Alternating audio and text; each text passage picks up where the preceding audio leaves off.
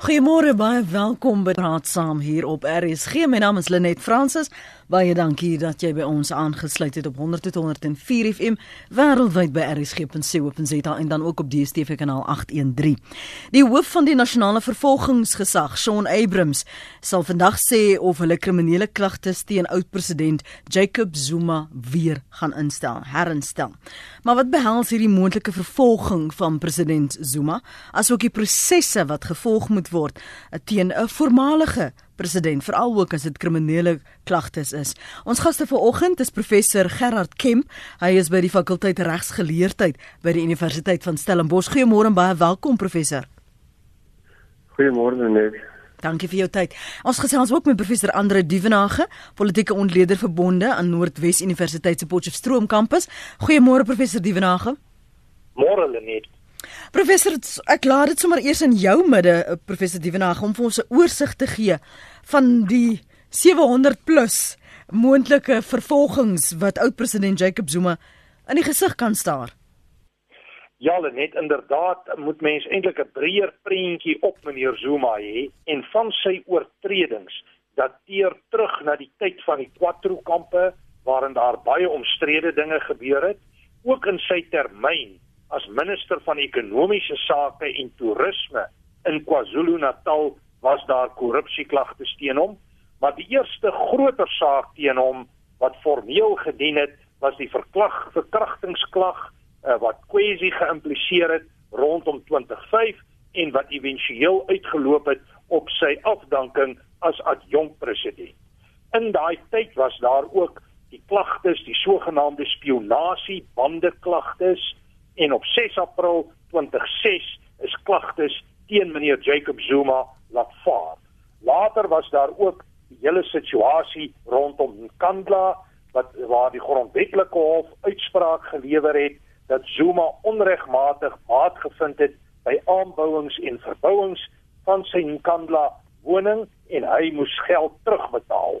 En die konstitusionele hof het ook gesê dat Jacob Zuma nie ooreenkomstig die grondwet gehandel het nie. Dan sê die nasionale vervolgingsgesag, ek dink is 'n stuk of 18 sake geformuleer en daar moet op die oomblik besluit word of daar wel teen meneer Zuma gehandel gaan word. En dit is my oortuiging dat meneer Shaun Abrams wel gaan besluit om op te tree en te handel teen meneer Jacob Zuma. Vinnig op daai punt want ek gaan nou vir professor Kemp sy mening daaroor vra is dit die vervolging veral Shaun Abrams en ons weet hy hy moet een van die dae maar sy tassies in elk geval pak en dit staan al lank gereed as dit ons daai uitspraak gehad het um, dat uh, die president uh, Cyril Ramaphosa iemand moet aanstel. So is dit uitweens druk wat hy vervolg omdat alle oë op daardie kantoor is of omdat hulle hulle beeld probeer red? Wel, ek dink dit is 'n kombinasie van 'n klomp faktore. Ons moet eerstens besef dat in die Zuma tyd is die hoofstuk 9 instellings en onder meer ook die nasionale vervolgingsgesag baie sterk polities gemanipuleer. En met meneer Ramaphosa is daar 'n poging om daardie instellings se kredietwaardigheid en hulle autonomie weer te herstel. Ek dink daar is bepaalde politieke druk om hierdie prosesse te laat loop Ek dink 'n mens kan tog so ver gaan om te sê dat meneer Ramaphosa wel met 'n bepaalde strategie werk teen die Zuma groepering en die sogenaamde staatskapers en dat regsprosesse en die rol van die nasionale vervolgingsgesag baie belangrik is in daardie proses. En ek dink 'n mens kan ook die som maak dat uh, die nasionale vervolgingsgesag nou meer autonoom gaan handel. Ek het geen twyfel dat daar genoeg substansie is mm. in die sake teen meneer Zuma en ek moet werklik sê dit sal onvanpas wees om nie op hierdie stadium wel 'n tipe van 'n handeling voor te stel nie. Natuurlik kan 'n mens sê gaan meneer Zuma alles in die boek probeer om het sy daar uit te kom of om dit polities te probeer hanteer op 'n wyse en ek dink hy's op die oomblik reeds daarmee besig. So professor Kim die, die moontlikheid wat professor Dievenage gesê dat hy wel vervolg gaan word. Hulle het geen ander keuse nie dat daar substansie is. Deel jy daardie sentiment? Ek dink dit is kyk na die logika van die besluit wat destyds geneem is om hom nie te vervolg nie. ehm um, dan lei dit tot die gevolgtrekking dat die die sit 'n oorsonde wat gepleeg is was die besluit destyds om na die skuldbevinding of in die konteks van skuldbevinding van ehm um, van Sheikh ehm um, nie ook vir vir Zuma te vervolg nie. Dit was die die oorsprong van die probleem wat nou mee sit. Uh die korrupsieklagte van destyds die bevinding was gewees dat daar ook 'n prima facie saak teen meer Zuma is, maar dat hy nie vervolg gaan word nie. Nou dit beteken in kort maar net daar was op daai stadium, ek dink dit was Robert 2006 of 2005 reeds genoeg same getuienis gewees om die korrupsieklagte teen meneer Zuma um, in te stel, maar om um, waarskynlike politieke redes is dat hy besluit om nie voort te gaan met vervolging nie. Nou as jy sit met 'n uh kyk ons moet onsself herinner dat dit is in ons land die vervolgingsgesagte diskresie of 'n vervolging instel of nie. Daar's nie 'n absolute plig op 'n aanklaer om 'n strafsaak oop te maak nie. Mm. Behalwe as daar genoegsame getuienis is. En dit was die die probleem in hierdie geval gewees is dat daar kon nog nooit 'n bevredigende antwoord gegee word oor waarom 'n prima facie korrupsie eh uh, klagte teen Zuma nie vervolg is nie. Ehm um, as jy dit beskou in die groter konteks wat Andre geskets het, dan raak dit soveel meer problematies waarom 'n prima facie saak destyds nie vervolg is nie. En as meneer Abrams nou vandag of waarskynlik vandag ehm um, nie gaan gaan sê dat hy daardie logika gaan laat uitspeel naamlik dat prima facie saak hof te neem nie dan sit ons eintlik met nie net 'n uh, strafregtelike probleem nie maar ons sit in 'n konstitusionele krisis en ek dink dit is die die groter konteks. Mm. Hy het gesê voor die parlement dat hy nadat hy in gesprek getree het met die president oud president Zuma gaan hy 'n aankondiging maak. Dit werk mos nie gewoonlik so nie. Waarom moet daar konsultasie wees in hierdie geval? Nee, dit is 'n bietjie van 'n wanpersepsie dat daar nie konsultasie is tussen 'n 'n moontlike beskuldigde persoon en die uh en die regering nie. Mm die wet maak voorsiening daarvoor dat dat sodanige konsultasies kan plaasvind. Enigste rede hoekom ons nou hiervan weet is dat meneer Zuma so 'n hoë profiel uh moontlike beskuldigde persoon is. So hy kry nie spesiale wat dit dan betref nie. Dis heeltemal binne die raamwerk van die wet en die uh NGO kan dit seker doen. Veral as dit gaan oor baie komplekse sake, ehm um, ingewikkelde kommersiële sake dan kan 'n beskuldigde en sy regsverteenwoordiger inderdaad uh, of ek moet sê 'n moontlike beskuldigde en sy regsverteenwoordiger inderdaad voorleggings maak aan die NGV alvorens 'n besluit geneem word uh, om te vervolg of nie. Op lyn 2 praat ons met Connie eerstens. Môre. Môre lê jou gaste. Jammer as ek die vraag herhaal. Ek dink professor Dievenage het da, reeds daaroor 'n uh, repliek gelewer in vorige uh, programme. Miskien kan hy net uh, dalk weer vir luisteraars wat dit nie gehoor het nie meld. Wat is die uh, moontlikheid van amnestie? Is daar 'n moontlikheid dat dit toegestaan kan word? Dan tweedens wat die pri uh, die privaat vervolging betref, ons weet sou Sean Abrams op die NVG dan besluit om nie uh kriminele vervolging in te stel nie, kan uh advokaat Gerry Nel by wyse van Afriforum dan uh in gevolge artikel 7 van die uh, strafproses vervolg. Dan lees daardie artikel mag 'n privaat persoon iemand vervolg. Nou Afriforum is nie 'n privaat persoon nie, maar 'n regspersoon. En uh, ek is nie bewus daarvan dat die konstitusionele hof alreeds uh, daaroor uitspraak gegee het of 'n beslissing gegee het nie kan daardie hekkie oorgesteek word of of of het hulle dalk probleme met 'n privaat vervolging? Baie dankie Connie. Kom ons praat oor die die vervolgingsaspek, uh die regsaspek daarvan, uh, professor Kemp.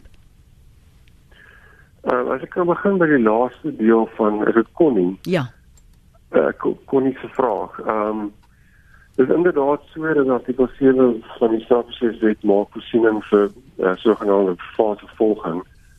Is 'n hoë hekkie om oor te spring in die sin dat ehm um, daar moet 'n wesenlike belang aangetoon word vir wie ook al die vervolging wil instel. Ehm um, nou oor die hekkie kan 'n mens oor die oor die wesenlike belang kan 'n mens debatteer en sê ehm um, dat die publiek in hierdie geval 'n belang het algesien dit 'n uh, omvangryke korrupsieklagte is. Die ander tegniese probleem wat kon hy ook uitwys is ook in, inderdaad korrek en dit is dat in gevolg artikel 7 kan slegs regsagtens natuurlike persone private volging instel en nie regspersone nie. Nou die grondwetlike hof het in die uh, NSPCA saak die nasionale dierebeskermingsvereniging saak ehm um, uitspraak gegee dat ehm um, die dat organisasies soos die uh, nasionale dierebeskermingsvereniging kan private volging instel maar dan ingevolge artikel 8 en nie artikel 7 nie aangesien 'n organisasie soos die NSPCA uh, deur wetgewing um, georganiseer en gestruktureer word. Nou Afriforum ehm um, sal na my mening nie val onder onder artikel 8 nie en uh, sal dus nie daai roete kan gebruik nie. So ek dink dit sal sal iets wat moeilik wees om ehm um, vir organisasies so Afriforum om direk uh, lokestandie te kry en 'n private volging in te stel. Ehm um, was daar nog ander aspekte van van Connie se vraag wat jy wou gehad het ek het dan Nee, dis vir, vir eers goed. Dankie professor Kemp. Uh, professor Dievenage, jy het in die verlede al geraak aan amnestie, die moontlikheid daarvan en en of dit enigstens ter sprake kom met hierdie soort of tydens 'n konsultasie dan met 'n uh, 'n moontlike beskuldigde. Hulle net net vinnig iets oor die kwessie van private vervolging. Gerard is heeltemal reg. Dit is moeiliker. Dit gaan oor kapasiteit, dit gaan oor samewerking, maar ten minste in beginsel is dit moontlik dat jy vervolgings kan hardloop buite die konteks van die staat en die betrokke staatsinstellings. Wanneer dit kom by amnestie, kan 'n president politieke amnestie toestaan en dit hou verband met politieke oortredings van die een of ander aard. Wanneer dit egter kom by kriminele sake, is dit sover my kennis strek nie moontlik om 'n vorm van politieke amnestie toe te staan nie. Maar nou my vrees is dat meneer Zuma polities gesproke kan heen gaan en eintlik 'n politieke situasie skep rondom staatskaping deur byvoorbeeld steun te mobiliseer op talle vlakke. Kom ons gebruik 'n voorbeeld. Kom ons sê hy mobiliseer steun in KwaZulu-Natal hmm. en hy kry op 'n manier beheer op die ANC in KwaZulu-Natal of op 'n politieke groepering. Hierdie groepering staan in direkte konflik en selfs geweld met ander staatsinstellings. Dan forceer jy 'n politieke situasie af. En ek het 'n vermoede dat dit die strategie gaan wees van die Zuma kamp, want dit is baie duidelik meneer Zuma het geen belangstelling om sy dag in die hof te hê om te verduidelik wat daar aangaan nie. Maar in kort, politieke amnestie kan toegestaan word, kriminele amnestie nie. Ons het hier met 'n kriminele saak te maak, maar soms is die grens tussen die politieke omgewing en die van die onderwêreld 'n baie fyn grens. Soms is dit heeltemal 'n grys gebied. So professor Kemp, ons het nog wel in my geheue nog nooit 'n president of 'n voormalige president op so 'n wyse vervolg nie. Wat is die prosedures wat in plek is? Hoe word dit en behoort dit hanteer te word of gaan ons maar vat en sit soos soos dit kom? Ehm um, nee die, die laaste analogie wat ek kan kan dink ehm um, is die voormalige oud president uh PW Botha destyds uh op 'n stadium geweier het om sy samewerk met die Waarheidsversoeningskommissie te gee. Nou dit dit het 'n moontlike uh misdaad ingehou om nie 'n samewerking met die WFK te gee nie. Maar in die gees van daai tyd is daar toe 'n gesprek getree met hom en daar's nie die kom ons sê die tradisionele roete gevolg dat hy na reis geplaas is of uh direk uh, in 'n land of van waarskynlik of so iets nie. So dis die naaste wat ek kan dink. So die aard van die saak wanneer 'n mens werk met uh met 'n staatshoof of 'n normale staatshoof, dan is daar 'n mate van diskresie waarmee dit kan baan die die situasie kan benader, maar in hierdie geval ehm um, as ons kyk na die omvang van die klagte dan uh, sal meneer Zuma indien hy aangekla word vermoedelik in die hoë hof aangekla word, so hy sal 'n akte van beskuldiging ontvang. Ehm um, met dan dan is so 'n kennisgewing om in die hof te verskyn op 'n sekere stadium. Daar ek dink nie ons praat van van arrest nie. Ja, hmm. gaan 'n 'n tipiese hoë hof geding wees. Hy regsverhoor sal ingelig word daarvan. Uh, hy sal omvattende akte van beskuldiging ontvang om te bestudeer. Ehm um, so straat dan hier van dat die polisie eendag skielik gaan opdaag om meer so maar se voordeur om arresteer en en uh, na die polisie sal dit sleep nie. Dis in elk geval in alle gevalle veronderstel in die laaste uitweg te wees ongeag wie die wie die beskuldigde is. As 'n beskuldigde sy samewerking gee vir willig hof toe gaan, dan is daar nie sprake van van van arrestasie nie. Behalwe versekerde misdade soos geweldsmisdade en so voort. Hmm. Ehm um, So maar in alle ander opsigte wat wat my betref en dit behoort dit so te wees sal wanneer Zuma diene aangeklaas word soos enige ander beskuldigde hanteer word ehm um, net dan gegee die die tipe misdade waarvan ons praat die die omvang van die saak ensovoorts. Daar's nie 'n spesiale voorsiening gemaak in die strafproseswet vir voormalige staatshoofde dat hulle apart of afsonderlik of met uh net sekere unieke prosedures hanteer word. Net soos as enige ander beskuldigde vir so 'n tipe uh omvangryke klagstaat of akte van beskuldiging hanteer word. Mm. Met met met die verstande dat uh, die die huidige president Cyril Ramaphosa selfs voor sy inhandiging deelde klem gelê het op die feit dat ons nie al die ANC laat ons nie vir ons vir hulle praat nie nie vir hom in die verleentheid wil stel nie voorsien jy dat daar met omsigtigheid hierdie saak en die onderhandeling en, en sy verskyning selfs en wat gesê word en nie gesê word nie dit sodanig katvoet hanteer gaan word? Hoewel dit 'n regsproses is professor Kim? Nee, nee ek dink die hoe mens dit moet beskou is nie 'n geval van dat daardie uh, uitlating van van president Ramaphosa dat uh, Zuma nie verneder moet word of uh, ja Ehm um, dit moet mense beskou dalk in 'n groter konteks en nie dit is nie noodwendig net te doen gehad met moontlike strafregtelike stappe nie of die hele oorgangsproses ensovoorts. Mm. Nou dit is so dat enige hoë profiel persoon ons hoef maar net terug te dink na Oscar Pistorius saak is in 'n benarde posisie in die sin dat ehm um, daar is geweldige openbare belangstelling in die saak daar is 'n geweldige fokus op daai persoon wat natuurlik nog steeds onskuldig is. En hy is onskuldig totdat die hof hom skuldig bevind het. So in daardie opsig behoort die hele regsproses natuurlik uh, moet so gestruktureer wees dat die die regte van die van die beskuldigde ewenigs beskerm word en terselfdertyd moet daar gehandel word met die met die realiteit dat daar geweldige openbare belang sal wees en dat die publiek ook moet kan sien. En dis nou 'n belangrike punt dat daar gelykheid is voor die reg. Met ander woorde dat niemand spesiale uh bedelings het nie en dat almal gelyk hanteer word voor die reg. So wat inderdaad op die ou einde um uh as die stories ook hanteer soos enige ander beskuldigde persoon met 'n agneming van van sy omstandighede.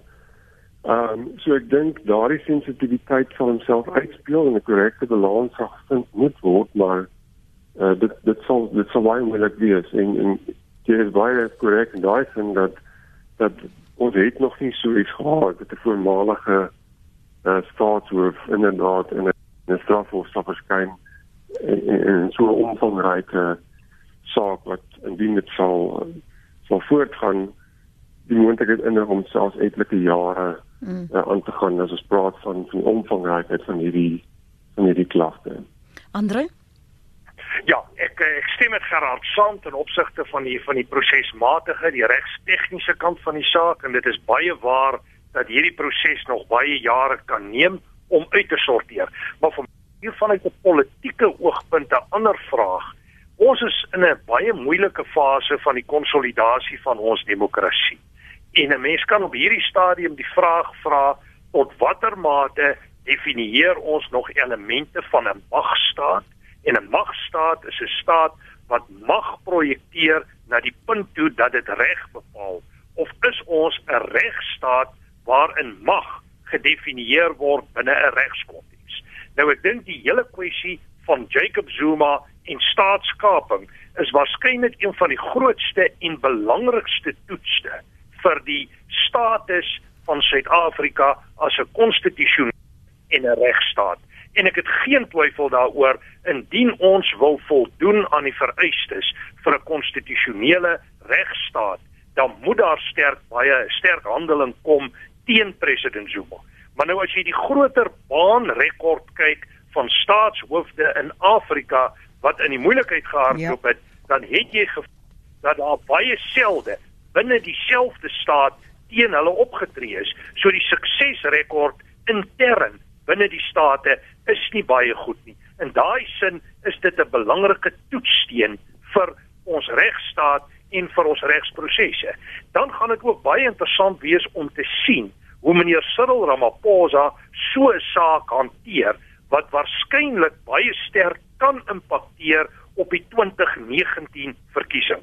So wat ek net wil sê is hier's 'n politiek strategiese konteks betrokke by die saak en dan is daar 'n regsproses. Nou my eerlike hoop is dat die regsproses uiteindelik die lot van meneer Zuma kan bepaal, maar ek is bekommerd dat politiek strategiese oorwegings wel hier kan impakteer en dat daar op 'n stadium 'n bepaalde ooreenkoms mm. van 'n soort gesluit mm. kan word polities. Ek wil vir jou juist op daai punt vra Andre want ons het ons ons sien die getuienis waar daar in daardie regsproses ingemeng is want ons moenie vergeet daar's so, so baie op die spel vir die ANC nie e, nou hoe hoe maak ons seker dat die grondwet oor alles is Andrei. Gegeewe die omstandighede want dit kan so maklik gemanipuleer word. Ons het gesien met aanstellings veral op die regsbank en dan ook by die nasionale vervolgingsgesag selfs by die ehm um, nasionale kommissaris van polisie die inmenging en hoe ongeldig van daardie aanstellings later was dat miljoene der miljoene aan mense uitbetaal is in goue handdrukke absoluut so. Ek dink die hele kwessie van staatskaping was eintlik niks minder as 'n vorm van polities beheerde uh, korrupsie waarin instellings ontmagtig is en waar die integriteit van individue wat prosesse moes bestuur ernstig bevraagteken kan word. En enige stelsel is nie so sterk soos die integriteit van die mense wat hom bestuur. En ons weet baie duidelik in die Zuma tyd is veral die hoofstuk 9 instellings baie ernstig ondermyn tot die voordeel van politieke prosesse, individue, die hele konteks van staatskaping en so meer. So ek hoop dat in die fase wat ons nou is, die Ramaphosa era, dat ons wel hierdie instellings se magsbasis kan herstel, hulle integriteit kan herstel en dat ons werklik objektiewe regsbesluite kry ooreenkomstig die raamwerk van 'n konstitusionele staat en die beginsels van 'n regstaat. In kort, die hele kwessie van die oppergesag van die reg mm. en die onafhanklikheid van die regbank moet hier gehandhaaf word en dit is die groot toets en dit is die toets wat meneer Zuma gaan stel aan die groter regstaat in Suid-Afrika. Kan dit net 'n suiwer regsproses bly professor Kemp gegee die beskuldigde moontlike beskuldigde? Nee, ek en as ek verluister wat ander sê, wat ook maar korrek is, dan uh, dan sal dit nooit met 'n suiwer regsproses wees in die sin dat dat ehm um, dit 'n normale saak is en hof en niemand neem eintlik enige notisie daarvan. Daar gaan geweldig druk wees, maar die die groot druk is natuurlik eintlik nou in die wat voor die die die hofsaak gaan gebeur. Dit is die die die die kritiese oomblik waarna ander verwys vir ons regstaat en dit is 'n besluit om te vervolg of nie.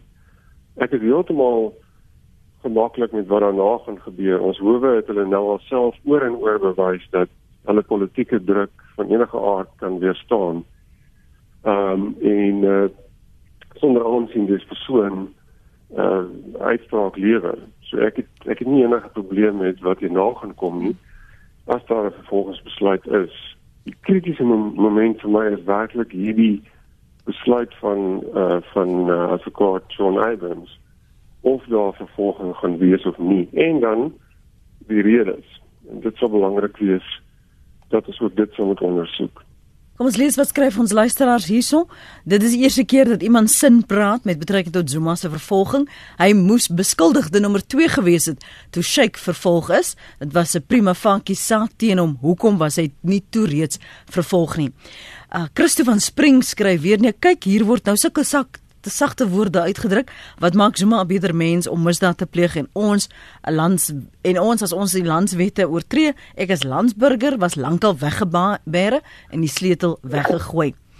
En nog een sê nee hy is 'n mens nes ander. Hy moet boet vir sy dade dis net regverdig. As Zuma nie aangekla word nie sal oppositiepartye appeleer. Kan die NPA weier om redes te verskaf hoekom hulle Zuma nie vervolg nie. En dan skryf 'n ander luisteraar, wat is die kans dat advokaat Willie Hofmeyer wat wat NVG eh, was uh, skerp Jonas om Sean se plek kan vat. Daaroor kan ons nou nie veel spekuleer nie, maar kom ons praat oor die redes vir weiering indien wel. Professor Kemp was daar gronde, maar kan ek dit sommer aansluit by wat uh, die die die bekommernis en die aansoek van Kaysak uh, destyds dat Abrams nie moet die inligting in, in sy besluit bekend moet maak nie in die aankondiging dat daar 'n tydvak moet eers verloop. Um die, die aansoek by die konstitusionele hof wat dit verwerp het, uh, die raad vir die ja. bevordering van van Suid-Afrika se grondwet KESEK net vir ons luisteraars. Geef ons net konteks asseblief. Ehm um, ja, net vir die laaste punt, KESEK betref natuurlik waar hulle uh, tyd uitgekoop het ten einde dat daar 'n meer volledige besluit geneem kan word en dat die Ramaphosa effek sy verloop neem en dat daar dalk ehm um, uh as kyk ek vrees was soos wat wat baie Suid-Afrikaners vrees is dat daar in die Zuma tydperk dan in die NPA uh 'n kultuur geskep is wat dan uh, hom so hom wat in Zuma is en sy uh, bondgenote sou moes beskerm het dat dit dan eers uitspeel en uit die weg geruim kan word en dat uh, as ware 'n nuwe NPA die besluit kan neem, die vervolgingsbesluit kan neem. En daarvoor wou Kaisak tyd gekoop het en nou hulle aansoek is deur die uh, grondwetlike hof van die hand gewys. Ehm um, ons is nie daai saak in te gaan nie, maar die die gevolge daarvan is dat ons sit nou met die realiteit dat dit is inderdaad meneer John Abrams wat die besluit sal sal neem of, of daar vervolging gaan wees of nie. Ehm um, die kwessie van die redes in die ou dae uh, vervolgingsbesluit ehm um, as daar vervolgens as die aanklaer sy diskresie uitgeoefen het en besluit om nie te vervolg nie normaalweg is dit die einde van die verhaal. Maar nou is ons in 'n in 'n konstitusionele konteks waar staatsgesag getoets kan word redes moet gegee word vir staatsbesluite en uh, daar's toenemend ehm um, grondwetlike uitsprake gewees wat wat ook vir ons sê dat die vervolgingsgesag ook ehm um, veral wanneer dit opswaakwekkende gevalle is, komplekse gevalle is met moontlike breër grondwetlike gevolge ehm um, dat daar dan inderdaad ook redes gegee moet word. So Uh, wat my betref kan ons verwag dat meneer Abrams redes sal moet gee. Ehm um, vir vir sy besluit, het sy om te vervolg of nie.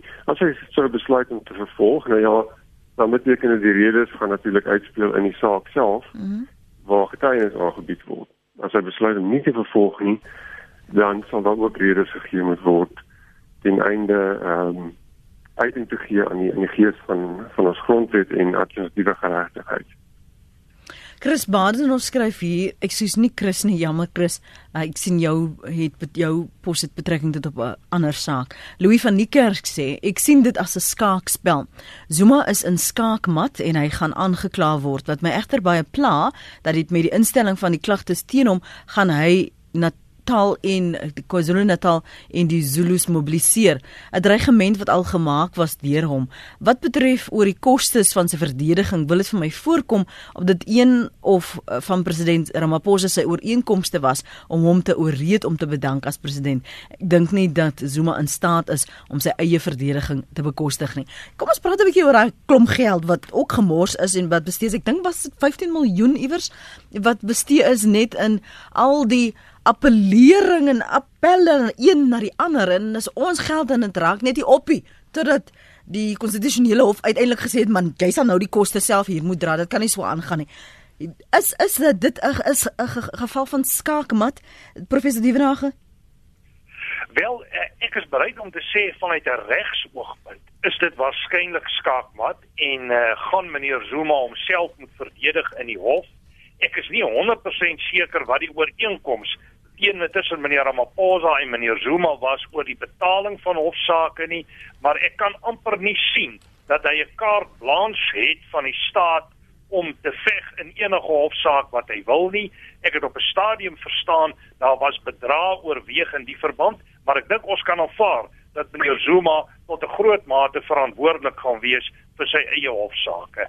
Oor die kwessie terug by die skaakmat, ek dink daar bestaan nog steeds politieke opsies vir meneer Zuma wat hy kan speel. Dis weliswaar opsies buite die raamwerk van die reg, buite die raamwerk van 'n konstitusionele staat, bietjie ruimte om binne die raamwerk van die party, die ANC, te probeer om magte te bou en te konsolideer vir sy saak en dan uiteindelik 'n tipe van 'n ooreenkoms, 'n politieke ooreenkoms af te dwing. So ek dink nie meneer Zuma is ooit heeltemal sonder opsies nie. Dit is die tipe styl wat ons by hom gesien het die laaste klompie jare wanneer dit kom by die regsprosesse. Kan mens verwag dat daar forme van regsontduiking gaan wees, regsveruideling dalk op sekere vlakke enige iets om die proses te vertraag soos wat hy baie suksesvol reg hmm. gekry het met onder meer die spionasiebande saak. So ek verwag so 'n tipe benadering van die Zuma kamp. Is dit Julle moet my vergewe maar ek vra maar wat die luisteraars hier oor wonder.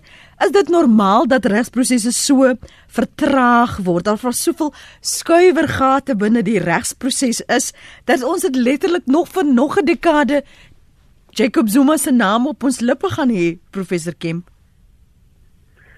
Ehm um, ja, dit is normaal dat dat strafsaake soms uitgestel word om verskeie redes. Dit is nie normaal hierdie geval natuurlik nie, want hier het ons net te doen gehad met 'n heel ander tipe uitstel as jy as jy die term sou wil gebruik. En dit is naamlik weer eens, ek gaan weer terug na die na die tyds tydperk van van die Sheikh uitspraak toe ehm um, logies verwys en volgens die destydse uh, NDOV se eie beskrywing van die saak teen meneer Zuma dit was 'n prima facie saak wat nie vervolg is nie. Nou die rede hoekom ons vandag sit waar ons sit is daardie besluit toegeneem is. So dit is nie 'n normale uitstel of vertraging in die regsproses waarvan ons praat nie. Dit staan ander totaal ander. Mm, ons sê Hallo? Ja, dan sê iets is terug. Dis totaal ander. Uh, ja, jammer vir die van die onderbreking. Dis 'n totaal ander geval hierdie. En ehm um, ek dink ons moet ook onthou dat as dit nou eenmaal gesê het en en daar word nou besluit geneem om om hierdie saak te vervolg, kan ons verwag dit gaan lank en uitgereik wees bloot weens die omvang daarvan die hoeveelheid klagte, dit is uh klagte van 'n kommersiële aard, dis ekonomiese misdrywe. Dis korrupsie en uh soos ander ook al uitgewys het, um dis korrupsie op 'n vlak wat uh institusioneel is van aard. So ons ons moenie verbaas wees as dit 'n lang en, en uitgerekte saak gaan wees nie. En in die verloop van so 'n saak natuurlik van meer Zuma se regspan probeer om elke moontlike uh tegniese punt uh tot hulle voordeel te gebruik wat hulle wat dan nou binne hulle reg sal wees om te doen. Um so om om te vat ja, dit normaal strafsaake word ons uitgestel en is dit ons vertragings in strafsaake om verskeie normale en gangbare redes. Die vertraging in hierdie geval is nie normaal nie. En en dit is hoekom ons sit waar ons vandag sit. Kan ek op baie punt vir jou vra Andre? As ons dit sou sien waar dit aanhou en aanhou en aanhou en aanhou en aanhou en kry net nie end nie. Wat is die impak daar op die siege van die nasie van landsburgers en dan ook spesifiek die beeld effektiwiteit van die ANC want binne die ANC is daar nog baie Zumaite. Ja, ek dink dit is dit is baie negatief op die op die siege. Dit laat die beeld dat die regsprosesse ondermyn kan word en dat ons nie werklik tot by die punt kan kom waar die regsproses finaal besluite kan neem en sake kan afhandel nie. En ek dink daai persepsie bestaan reeds en 'n mens moet sê die strategie van die Zuma groepering en dit het ek ook opgetel gaan wees om waarskynlik ook ander ANC mense te teiken vir oortredings binne 'n groter omgewing van staatskaping en institusionele korrupsie. Ek het al gehoor dat daar gepraat word van die heropening van die Chris Hani saak. Ons weet daar's probleme ten opsigte van die toilette skandaal wat Gwedi Mantashe impliseer. Meneer Zuma, ag meneer Ramaphosa word ook geïmpliseer in bepaalde omgewings. So ek kan net sê hierdie geveg kan 'n baie lelike geveg word en ek het kommer daaroor dat dit selfs op sekere vlakke staatkundige stabiliteit kan bedreig, maar negatief vir die siege ongetwyfeld. Ek dink dit is van kernbelang om hierdie saak so vinnig as moontlik, so doelmatig as moontlik by 'n punt van besluitneming uit te kry en 'n mens kan sê jy begin die lyne op te tel van aksie as ek sien wat in die Vrystaat gebeur rondom meneer Ysmagashule en ook hier in my provinsie hmm. Noordwes rondom meneer Supra Moamopelo. So mens hoop die regsproses en die hele strafreg omgewing kan hulle momentum behou en gaan nie gestuit word deur forme van destabilisasie en intervensies. Dion daar in Belito, as jy kan terugbel, word ek graag van jou anoniem in Limpopo môre. Môre lê net in jou gaste. Ek het net 'n uh, eh, daar's iets wat my pla. Ehm um, meneer Zuma het gesê hy kan nie hy kan nou nie uh, hy wou geweet het wat het hy verkeerd ja, ja. nie. En uh, nou bekommer dit my.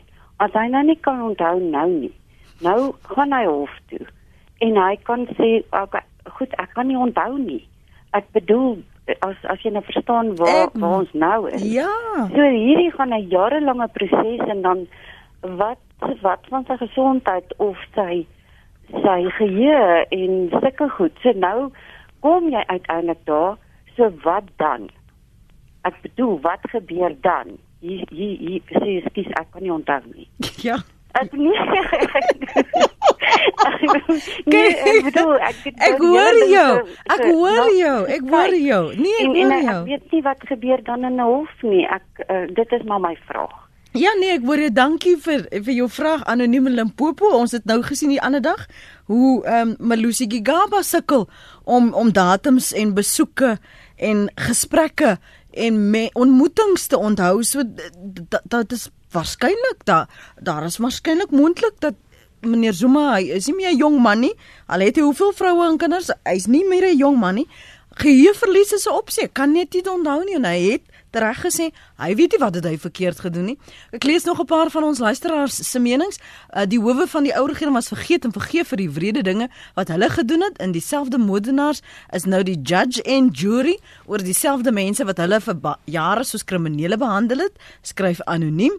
En dan uh, sê en wat sou gebeur indien meneer Zuma voor die tyd dan sou afsterf? Elise in KwaZulu-Natal sê kom nou, ons almal weet meneer Zuma gaan weer hom weer eens hier uit wurm Die staat met ander woorde, ons arme belastingbetalers gaan weer eens aan die pen ry asof ons nog nie genoeg belas is nie. En nog sê 'n luisteraar, hy was 'n persoon wat 'n president geword het en daarna het hy bewys hy is 'n krimineel. Hy het ons land en sy mense amper tot in die afgrond besteel, verdien hy nie om soos 'n krimineel behandel te word nie. Almal het handskoene aan. Hoekom? skryf hierdie luisteraar. Ehm um, dan sê iemand Ek is nie seker oor hofuitspraak nie, kan president Ramaphosa nog 'n ander persoon in die NVG aanstel. Dan loer ek gou na op ons webblad www.rsg.co.za. Nick Rautenbach sê vervolgings sal altyd vertraag, oorskadu en beïnvloed word deur groot massas wie ewe skuldig is aan vraatsug. Ek dink ook dat daar eenvoudig te veel mense in die land is wie se oordeel en motiewe deur haat en wraaksug gedryf word. Hier is eenvoudig te veel werkloses om aan werk te gee, hier is eenvoudig te veel armes om aan te gee. Hier is eenvoudig te veel selfsugtige rykes wat in die gesig van die media gee, maar eintlik witbroodjie wette aanwend om te vat en geleenthede te blok. Dit lyk of enige regering in hierdie land altyd met rasisme en ongelykheid sal worstel. En dan skryf 'n uh, ander Andre, het enige van die gaste die oop brief aan Shaun Abrams gelees wat Sendiso Malako geskryf het om te vra dat Zuma nie vervolg moet word nie omdat dit 'n burgeroorlog tussen die Zulus en ander uh, kan veroorsaak. Indien wel, wat is hulle mening daaroor? Andre, kom ek vra gou vir jou en dan gaan ons afsluit uh, met professor Kemp. Ja, ek het geen twyfel dat eh uh, uh, die die Zuma groepering gaan hulle self polities mobiliseer. Dit is die enigste weg vir hom uit hierdie proses want ek dink die regsprosesse wys duidelik dat hy in 'n moeilikheid kan hardloop. Mens wil nie prosesse vooruitloop nie, maar as jy kyk na die omvang van die klagtes, die substansie daarvan wat reeds in die media lê, dan dink ek hy het 'n probleem. Sy oplossing sal wees om polities te beweeg. En daarom is die uitdaging vir meneer Ramaphosa op die oomblik so geweldig groot om enerzijds die ANC bymekaar te hou, doelmatig met meneer Zuma en die Zumahite te handel en dan boop dit die 2019 verkiesing suksesvol te hanteer met 'n party wat op die oomblik nie baie funksioneel is nie. Wat is die grys areas vir jou professor Kemp veral ook na aanleiding van wat ons luisteraars sê en en jou kennis van hoe die reg veronderstel is om te verloop veral ook dat ons hier met 'n saak te doen het wat ons nog nie hanteer het nie. Ja, die die een risiko wat ek voorsien is wat die eerste persoon wat wat nou ingebel het, ehm um, nou in hierdie ronde ingebel het. Ek glo dit kom belang dink ek. Ehm um, genoem die die tydsfaktor en tydsverloop, die impak daarvan op 'n op 'n strafsaak. Tyd is nie ehm um, of tyd verloop moet ek sê is die vyand van 'n van 'n strafsaak. Die sin dat bewysmateriaal verswak oor tyd. Ehm um, kontekste verander, selfs dokumentêre getuienis kan ander betekenisse begin kry. So dit raak moeilik soos wat die tyd verloop om 'n om 'n om 'n sterk strafsaak sterk te hou. So in daardie opsig, uh, dit is een groot risiko waarvan ons praat as ons praat van 'n komplekse saak soos hierdie. Ehm um, en uh, die impak daarvan op op uh, die moontlike getuies wat nie meer daar is nie of wat ons weet nie wie wie almal getuies sal wees nie hoe geloofwaardig hulle gaan wees as hulle nou moet terugdink na goed wat ver in die verlede gebeur het. So dis een een risiko wat ek voorsien. Ehm um, die die risiko wat wat meer op ander is dit terrein van kundigheid hierdie naamlik die die konteks van hierdie saak gaan afspeel.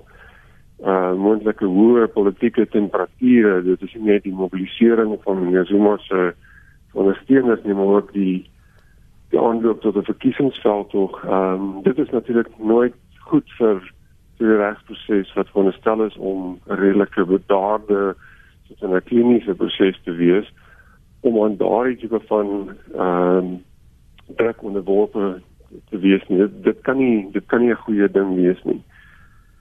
Aan die ander kant moet ek sê dat ehm um, ek het weer eens moet ek my vertroue uitspreek in ons ons howe se se vermoë om om nogal met netelige kwessies te kan te kan handel selfs in uh, in moeilike gevalle. Ons moet onsself herinner dat meneer Zuma se verkrachtingssaak alhoewel nie op dieselfde omvang of die, die politieke klimaat was dalk toe 'n bietjie anders geweest, maar daar was tog ook baie druk geweest. Uh en uiteindelik het die regsproses sy verloop geneem of mense nou saamstem met die uitspraak of nie, dit was in 'n oop hof en die regter het sy redes gegee vir die vryspraak. Maar maar um, ek, ek dink tog ons ons howe het al 'n bewys as as forums waar waar reg kan geskied. Ehm um, maar hulle sal ondersteuning benodig van van die president en van die ander uh staatsmasjinerie om die integriteit van die howe uh te beskerm in indien hier 'n uh, saak gaan wees uh, teen Mesuma. Baie dankie vir jou tyd vanoggend hier op Praat Saam. Dankie aan professor Gerard Kemp. Hy is by die fakulteit regsgeleerdheid by die Universiteit van Stellenbosch. Ons waardeer jou tyd vanmôre, professor. 'n Voorreg. Professor Andre Duvenage, politieke ontleder verbonde aan Noordwes Universiteit se Potchefstroom kampus. Dankie ook uh, vir jou soos altyd.